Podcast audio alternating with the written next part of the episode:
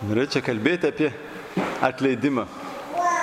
Ne, Mūsų tema stovyklos, kas yra mano artimas, tai a, tokia e- evangelija pagrindinė mus veda, mus lydi, tai gero samariečio, tai labai į temą a, su, su, ta, su ta evangelija. Kartais jaučiamės kaip a, tas samarietis, kuris yra sumuštas, kartais, e, ta, ta, tas pakeleivis, kuris sumuštas, kartais esam tas a, samarietis, kuris pila aliejus, na, kai išgyvenam atleidimą, kartais gal esam plėšikas, a, kuris sužeidžia. Tai bandysiu kalbėti, kad visiems kažkas kažkas aktualus būtų, tai truputį baisu, kad a, yra čia patyrusių porų, kur a, 20 metų santokoje yra, kur net metų stažo neturi. ir a, tai gal skirtingas patirtis turit ir gal galvosit, va čia man visiškai, mums visiškai neaktualu, mes viskai, pas mus viskas tobulai, gerai. Tai gal problemas ateis vėliau, gal jau praėjo. E, Tai vis tiek e, gerai aptarti bendrai ir jūs pri- priimkite tai, kas jums aktualu ir, ir tai, kas jau nebeaktualu ar dar neaktualu. Tai jau kažkur laikykit galvoj, kad gal, gali prireikti kada nors. Ne? Kad e, tai va iš to palyginimo, kad a, atleidimas yra kaip a, aliejus pilimas ant žaizdų, yra gydantis veiksmas. A, Sustoju, pilu aliejus, svarstau žaizdas, a, tvarstau ir šiemet turėjau a, progą būti palydėtojų atleidimo rekolekcijose, kur vadinasi mylėti ir atleisti. Ir man tai buvo a, kažkaip labai stipri patirtis, kaip, kaip atleidimas gydo ir keičia žmonės. A, mat, aš palydėjau du žmonės ir, ir matyti, kaip, kaip keitėsi ir kaip atleidimas išlaisvina. A, ir tai, tai žmonės, kurie atvažiuoja su dide- dideliu bagažu dažniausiai, a, su didelėm žaizdom ir visas gyvenimas buvo toks žaizdų rinkinys. Ir jie ateina, atvažiuoja prislikti ne, ir, ir tikrai Dievas yra Dievo, atleidimas yra Dievo dovana, na, kur išlaisvina, kur gydo. Ir gal galvojat, kaip, kaip čia keista, kalbame apie atleidimą, mes krikščionys, melžiamės, einam iš pažinties. Tai gal kai susituokit, galvojat, tai mums tokių dalykų nereikės atleidimo, ne? Tai a, gaunam a, draudimą nuo visų, čia gal jaunimui daugiau, a, nuo visų krizių, nuo visų problemų. Tai melsimės ir viskas bus paprasta, lengva. Ne? Tų konfliktų pas mus nebus. Ne? Ir, ir greitai, greitai matom, kad taip nėra. Tik greitai jautiesi įskaudintas, nemylimas, nesuprastas ir dažnai po, po kurio laiko santokoj kažkaip skaudžiai matai, kad tolsti vienas nuo kito. O pradžia buvo tokia graži. Ne? Mes vaikščiodavom susikibę rankom, ne? šypsena visada lūpose. Tai buvo taip smagu pabūti, sėdėti ant, ant, ant suolo kartu, um, kalbėdama apie viską, nieko neslėpdami. Na, buvom vienas kitam geriausi draugai, o kas atsitiko? Ne, aš dažnai esu girdėjęs tokius pastebėjimus skaudžius. Ne, ir dabar turim tris vaikus, tai pirkom namą, bet atitolom, viskas atšalo, tai ką daryti? Ne? Čia dabar laikas apie atleidimą kalbėti. Ar, ar reikia susitaikyti su, su ta situacija, kad, nu, va, čia gal, gal po dešimt santokos metų tai normalu, kad viskas atšalė ir reikia susitaikyti ir savo kartelį biški uh, nuleisti, arba, arba galima kažką daryti. Ne, čia toks klausimas, kur man atrodo kankina daug porų. Ar reikia susitaikyti su vidutinybė, ir kažkaip su nusivylimais, ar tai, ką, ką kalbėjau vakar, yra realu, kad mano vyras ar mano žmona gali atliepti kažkiek mano, mano lūkesčių, mano poreikių, ar, ar tiesiog turi susitaikyti. Tai visa Biblija mums kalba apie sandoros sudarinėjimą ir sulaužimą. Apie neištikimybę ir ištikimybę. Tauta sudaro sandorą su Dievu ir neužilgus, neužilgo tai suklumpa ir pamiršta Dievą ir eina garbinti kitų stabų. Um, tai taip ir yra irgi šeimų istorijose. Ne? Panašiai, um, kaip, kaip ir mums pasakoja istorija, Biblija, tai po truputį, na, iš apleidumo, iš, per daug, iš to, kad per daug darbų turim, rūpeščių ir taip toliau, po truputį, tai užgožia meilė ir reikia grįžti prie sandoros. Ne? Tai su, suklumpam ir, ir atsistojam. Ir ta neištikimybė tai nėra, visada svetimavimas, ačiū Dievui. Ne? Kad ne, ne, ne, iki to, ne visada iki to daeina. Bet mūsų pora eina į antrą planą. Kai meilė atšala ir nieko nedarau, kad atgaivinčiau ją. Neištikimybė gali būti su meilužiu, bet taip pat su mano darbu, su kažkokiu hobiu, kur pradeda užimti visą vietą mano širdie ir nustumiu šeimą ir, ir, ir savo sutuoktinį į antrą planą.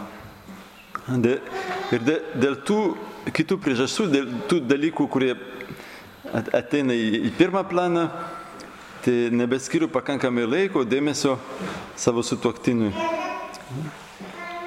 Na, iš šio mokymo tikslas yra parodyti kelius į, į sandoros at, atnaujinimą. Ne? Nekalbėsim tik tai, o, kaip, kaip atleisti, kokie, kokie patarimai, kaip, kaip tai gerai padaryti. Truputį apie tai kalbėsim, bet, bet plačiau atleidimas ir susitaikymas tai nėra tik tai formalumas. Padarėm, dabar viskas gerai. Ne? Tai yra kelias atgal į artimesnį a, santyki. A, tai jūs nesusituokit, kad būtumėt tik tai bendradarbiais. Ne? Tai jūs vadovaujat UAB, ne? vaikų auklėjimas, vadinasi, ir jūs bendradarbiai. Tai iš tiesų juokitės, bet daug, daug šeimų yra tokių. Na, kaip sako, tai liekam dėl vaikų. Kai nebesistengiam būti draugais, bet tik tai kažkaip palaikyti bendrus interesus.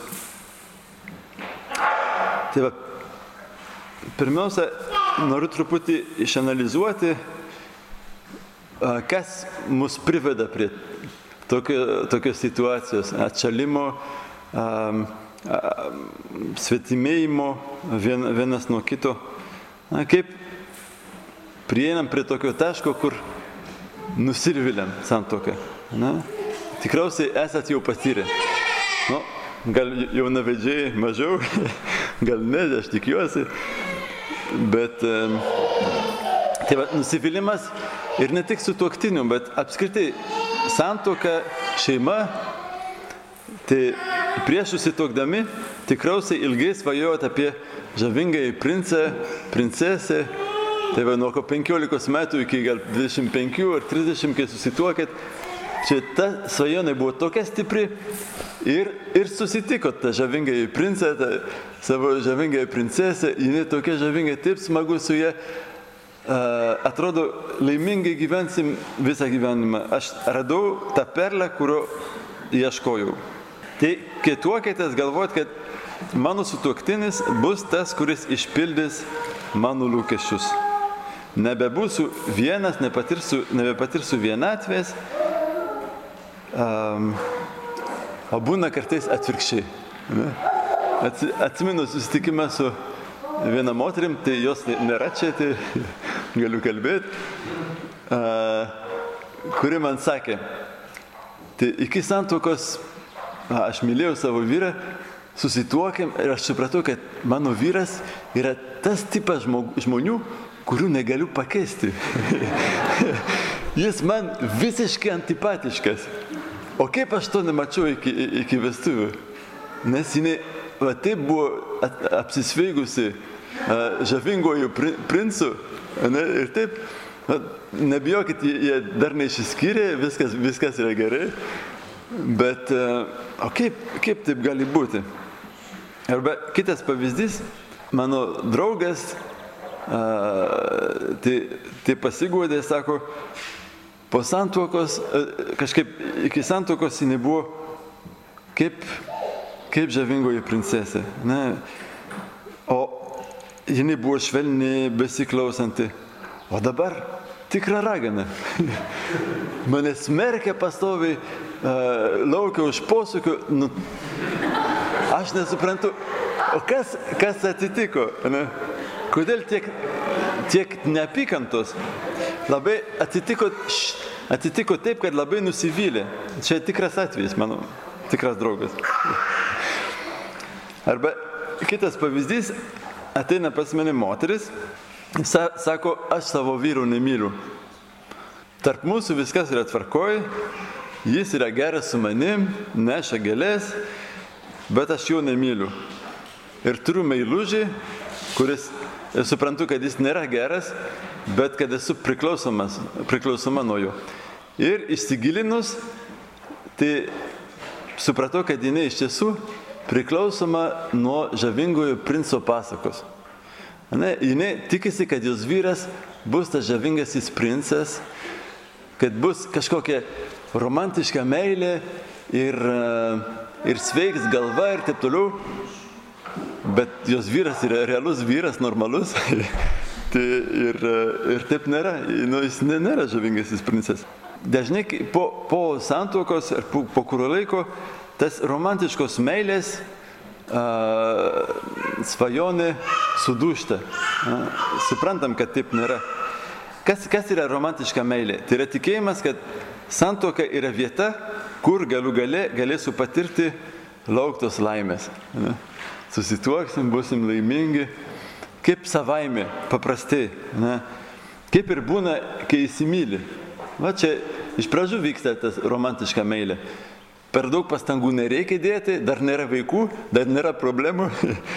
Susitinka tik tai su meilužė, su meilužu ir smagiai praleidi laiką.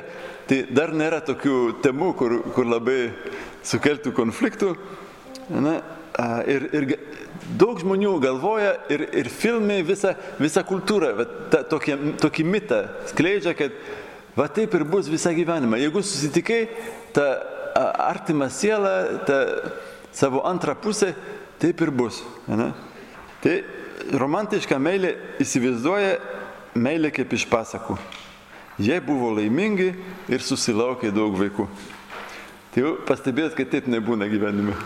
Tai laimė santoka, santokoje taip. Ne? Mes visi tuo tikim, nebūtume čia, ne? Tai tikrai, bet neidealizuota meilė. Ne? Tai idealizuota meilė, kad jis mane visada supras, niekada nebesijausiu vienišas, visada būsiu bendrystėje, būsim viena. Ne?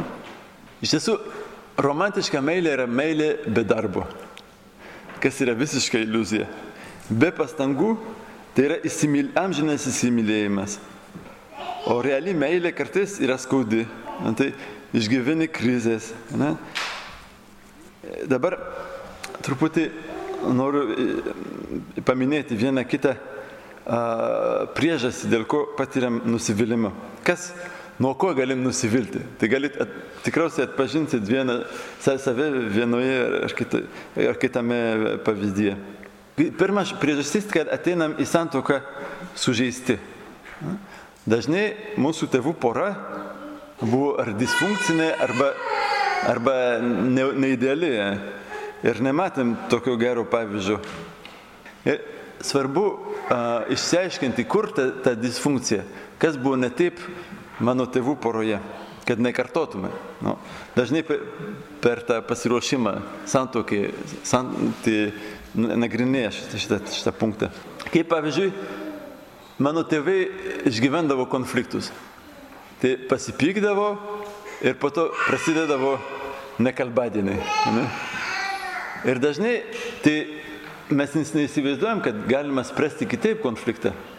Ne? Tai nesikalbė ir po kurio laiko atrodo, praeina. Ne? Bet čia yra didžiausias smurtas nekalbėti.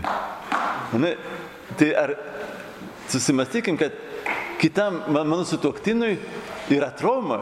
Ne, kai aš jį ignoruoju, tai čia yra ignoruoti, tai yra baisiau negu trenkti į galvą. Ne? Tai geriau pasakyti kažką blogio, negu nieko nesakyti. Ne? Bet taip, bet vienas pavyzdys, kaip, kaip galiu kartoti savo tėvų a, klaidas. Tai kita priežastis, kad šeimoje išgyvenam didelį artumą. A, tie, kurie gyvena būte ypatingai, a, per karantiną ypatingai, tai mes visada kartu ir su vaikais, ir vienoj krūvoj, ir tas sukelia kažkaip daug įtampos. Reikia kartais surasti a, būdą, kaip truputį atsitraukti, pakvepuoti kitokiu oru. Santoka yra ta vieta, kur negali net skleisti savo silpnybių. Gali bendradarbiams, draugams vaidinti, kad tu esi nu, gerėtis, žmonai, vyrui negali. Tu negali vaidinti visą parą. Ne? Tai kita priežastis, kad mes labai skirtingi. Ne? Dabar pasakysiu vieną kitą stereotipą apie vyrus ir moteris, tai galit pažinti save ir savo sutuktinį, tai gal ir ne. Nu, tai čia tik stereotipai. Pavyzdžiui, nu, moteris skundžiasi dažnai, mano vyras knarkia, neišsimiegu. Nu, smirda kojom, išmėto savo smirdančias koinės, reikalauja dėmesio. Tai atrodo, aš turiu tris vaikus, bet vyras kaip ketvirtas. Ne, kai kaip mažas vaikas jis reikalauja dėmesio. Tai ar neužtenka darbo namuose, dar reikia paguosi tą vyrą jam. Ne? Čia dalykai, kur dažnai girdžiu. Arba mano vyras egoistas, nesupranta uh, savo žmonos nuotaikų, kai, uh, nuotaikų kaitaliojimų. Negali pakesti ašarų, uh, mano silpnybių. A. Va čia dažnai moteris taip skundžia. O, o vyrai dažnai skundžiasi, sako, kad mano žmona nesilioja bambėjus. Ne? Visada nepatenkinta. Aš taip stengiuosi, nešu pinigus į namus, tvarkau namus, tar, rūpinusi vaikais ir dar visada kabinėjasi prie kažko. Ne? Nesuprantu. Tai va, dažnai skundžiasi, kad sunku ją suprasti.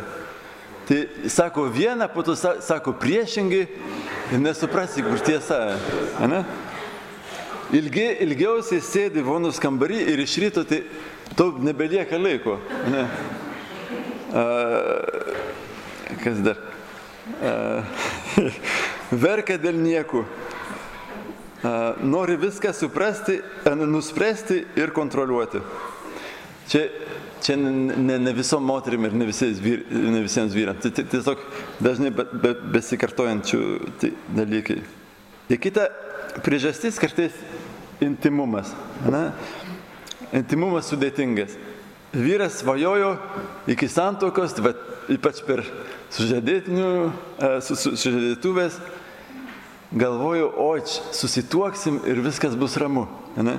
Galėsiu patenkinti savo poreikius. O žmona kitaip supranta. Ne? Tai kažkaip iki, iki to daeiti nelengva. Ir vyras jaučiasi kaip Elgeta. Ne, jis turi kažkaip nusipelnyti, prisiprašyti. Ir, ir, ir dažnai jaučia, kad ar mane myli, jeigu tiek mažai nori intimumo su manim.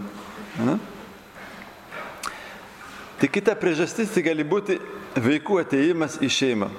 Čia pirmo vaiko krizė, tai jūs esat girdėję ir tikriausiai patyrę, kurie turi vaiką bent vieną. Um, Tai ir vaiko ateimą ir tikriausiai nustebina, nes tai jau taip laukiam to vaiko, taip, taip svajojam, ateina vaikas ir prasideda problemos. Nu, iš kur tas vaikas toks, toks mielas, toks fainas.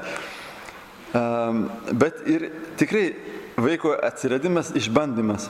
Kaip, kaip rasti dar laiko, energijos, rodyti vienas kitam dėmesį. Ir aš manau, kad iš dalies tai a, yra klaida galvoti, kad va čia dar daugiau energijos naudoti, kaip čia aš jau pavargęs nebenoriu, bet kad kodėl susituokėt, kodėl Dievas jūs sujungė, tai tam, kad būtumėt ramstis vienas kitam ir, ir kad a, jūs, jūsų draugystė su vyru, su žmona yra kaip tik ta vieta, kur atsigaunat, kur at, atgaunat jėgas. Na, jeigu mokat kažkaip atsustoti, skirti laiką ir skai, uh, praleisti maloniai laiką kartu. Ne, nekalbėti apie vaikus, apie būti, bet grįžti prie sužėdutuvių laiko. Na? O čia prasideda kūrybiškumas. Reikia kažkaip sugalvoti būdus, kaip, va, to, kur tuos vaikus palikti, kur, kur juos padėti. Um, bet, bet yra nu, būtinas dalykas. Ne? Sustoti ir kažkaip kokybiškai praleisti laiką kartu. Arba tampam bendradarbiais. Tai kalbėjome apie nusivylimą. Ar, ar nusivylimas, pyktis, atšalimas yra paskutinis žodis? Ne, tikrai. Dievas mus kviečia į atleidimą, į susitaikymą. Tai dabar kalbėsime apie atleidimą. Tai kai Evangelijoje Petras klauso, kiek kartų reikia atleisti, tai Jėzus sako, kalba, kad 77 kart 7. Tai reiškia be, be ribojimo.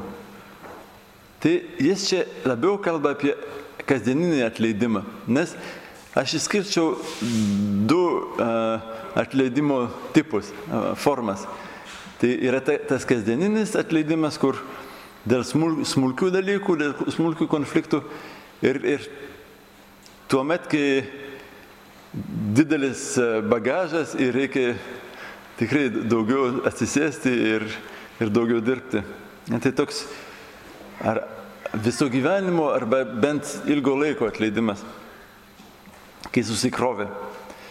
Na, čia pirmiausia, apie, daugiau apie tą atleidimą kalbėsim. Už, už susikaupusias nuoskaudas.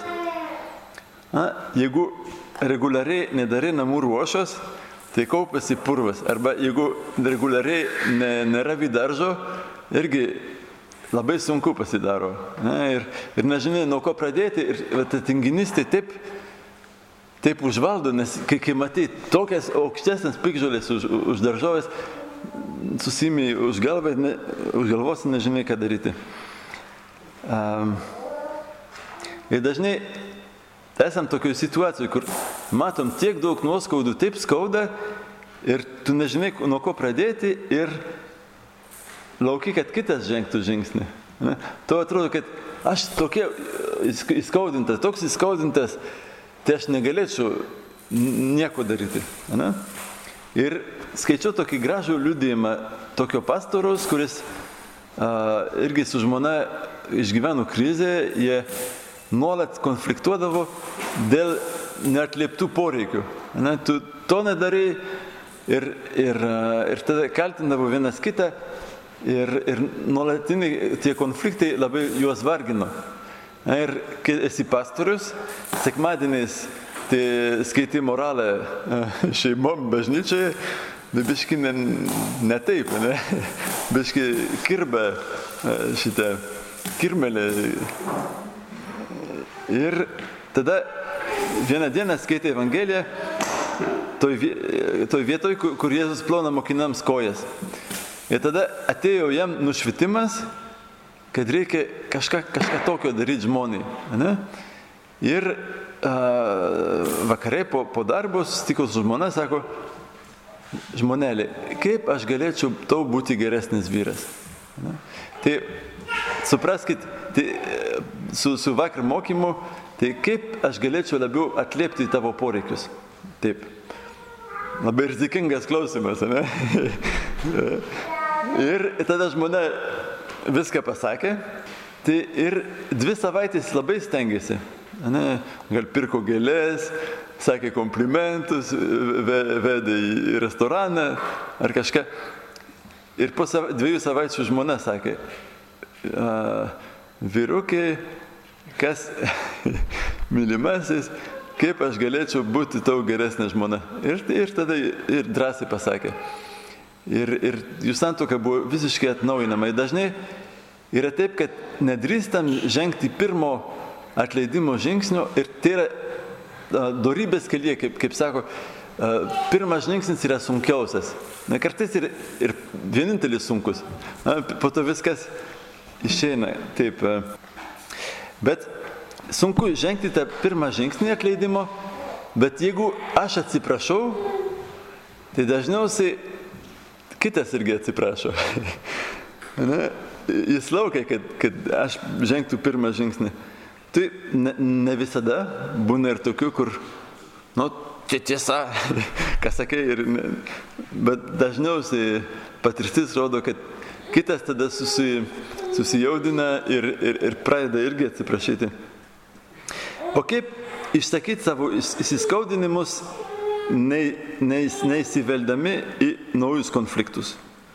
Nes planuoji, tai reikia pasakyti, pakalbėti su vyru, nu kažkas negerai šeimoje, jis neteisingai elgėsi su manim ir planuoji, kad bus viskas gerai, tai priims ramiai ir gaunasi, kad jis ginasi ir prasideda karas. Ne? Kaip daryti, kad to nebūtų, kad išsi, išaiškinti reikia, nutilėti, tai, tai, tai yra net ne, neišeitis. Reikia išsakyti ir viską išsakyti. Bet kaip sakyti, kad ne, nepilti aliejus dar ant ugnies? Tai pirmas patarimas a, niekada nepradėti tokio pokalbių ant karšto. Jeigu buvo labai neseniai konfliktas ar situacija, kur mane išmušė iš vėžių, tai pirmiausia nusiraminti. Ne? Eit kalbėti rožinio, bėgti penkis kilometrus ir kažką, kas mane nuramina, eiti į gamtą ir po to grįžti. Atsimenu, kai mano tėvai susipykdavo, tai mama išbėgdavo iš namų. Ir, ir tai iš tiesų tai yra gera, gera išeitis. Nes kai verda košė, tu nebegali e, nuleisti temperatūros, reikia atskiriai nusiraminti ir tada, tada biški planą susikurti, kaip, kaip aš sakysiu, ką, kaip, kaip aš ramiai pasakysiu. Tai kodėl konfliktai dažnai blogai baigėsi? Nes per konfliktą tai kaltinam vienas kitą. Ne? Ir kai aš jaučiuosi kaltinamas, smerkiamas, tai tada jaučiuosi atstumtas, nemylimas ir, ir tada niekaip negaliu priimti informacijos. Um, kai jaučiam, kad ateina konfliktas ar kad reikia išsiaiškinti dėl tokių skaudžių dalykų, tai reikia labai stengti susikaupti na, kad išvengtume kaltinimo. Na. O kaip, kaip tai daryti? Ką, ką reiškia kaltinti? Na. Jaučiuosi kaltinamas, kai man sako, tu. Na. Kai man sako, tu visada, tu niekada. Na. Ir ta, kai aš girdu tokius žodžius, aš automatiškai ginuosi. Ir kaip žinot, geriausias gynimas tai yra puolimas. Tai va, ir, ir kai, kai puolu kitą, tai jis vėl ginasi ir puola mane. Ne, ir, ir čia konfliktai, kurie nieko neduoda. Tai tokių konfliktų reikia bet kurią kainą išvengti. Um, konfliktai šiaip yra reikalingi. Nes reikia išspręsti klausimus, o mes emocingi, mes negalim be emocijų išsakyti. Nu, nebent būtume kažkokie labai ramų žmonės, e, ne, be emocijų. Kartais konfliktai yra reikalingi, kad išspręstume reikalus. Um, nes, jo, bet, sakyčiau, yra dviejų rūšių konfliktai. Konfliktai, kur sakau informaciją su emocijom. Ir kitas priima informaciją su emocijom. Tai normalu, jeigu kažkas sako, kas mane sujudina, tai negaliu rimtų, nu, ramių tonų kalbėti, biškai yra emocijų. Um, tai va, tokių konfliktų neišvengsi, nes mes žmonės. Ne? Ir nekontroliuojam šimtas procentų savo emocijų. Bet yra kitos rušies konfliktai, kurie yra graunantis. Ne? kur įskaudina. Kai, kai, kai sakau, tu visada, niekada, na, čia yra smerkiantys žodžiai. Tai neduo, ne tik duodam informaciją su toktiniui apie tai, kaip aš jaučiuosi, kai jis taip elgesi, bet tiesiog a, puolu. Ne? Tai puolu ir tada ginuosi. Ir sakom dalykus, kur po to gailimės. Ne? Tai va, kartoju, kad tokių konfliktų reikia bet kurią kainą išvengti. Tu gali pasakyti informaciją apie žmogaus elgesį, bet tu nieko, niekada negali uh, sakyti kažką, kas grauna kitą žmogų. Na, pavyzdžiui, nu, tu durna, tu nesupranti. Va čia yra baisiai smerkiantys žodžiai. Ne? Arba, um, nu, tu, tu bloga mama, tu nesupranti vaikų. Čia baisu. čia, čia yra antro, antro tipo konfliktai. O sakyti, pavyzdžiui, galėtum kažkaip, reikia mums tenktis daugiau švelnumo rodyti vaikams. Čia informacija. Ne? Čia tu pasakai kažką apie, apie, ne apie žmogų, bet apie jo elgesį. Tai jis nesijaučia pažeminamas, pasmerktas. Tai kaip išvengti antros situacijos. Nes paprastai neplanuojam tokių konfliktų. Ateina taip netikėtai. Ne, mes planuojam ramiai išsiaiškinti ir gaunasi karas paskelbtas. Ne? Dažnai netyčia. Jeigu netyčia gaunasi ir nu, neplanavom, tai geriau kuo greičiau nutraukti tokį konfliktą. Pabėgti. Ne? Čia aš nekalbu apie gal, kal, nekalbadienį, ne apie kalbadienius, bet geriau išeiti, pailsėti, nusiraminti. Gal baigsim pokalbį, kai būsi nusiraminęs, ne? nes jau verda dabar per daug emocijų. Ir kai norim išsiaiškinti, bet jaučiam, kad gali blogai baigtis, reikia va, tok, tokį pokalbį paruošti. A, a, tai dar kartoju, pasiruošti, kokių žodžių nesakysiu. Ne?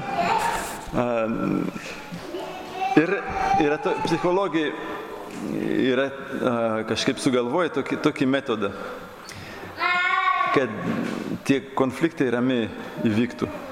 Tai pirmas etapas, pirmas dalykas, tai aprašyti, aprašyti situaciją. Nu, beša, nu, bešalgiš, besal, nu, ne, nešališkai. Ne? Įvyko taip ir taip. Ne? Ir turi iš, išsakyti ar papasakoti situaciją, kad, kad ir, ir, ir vienas, ir kitas pritartų. Taip, taip ir įvyko. Ne? Ir po to antras išreikšti emocijas. Tu taip elgėsi, tada aš taip jaučiausi. Na, pavyzdžiui, jaučiausi nesaugus. Na, bi, pak, aš pradėjau bijoti tavęs. Um, jaučiausi prislėgtas, uh, liūdnas.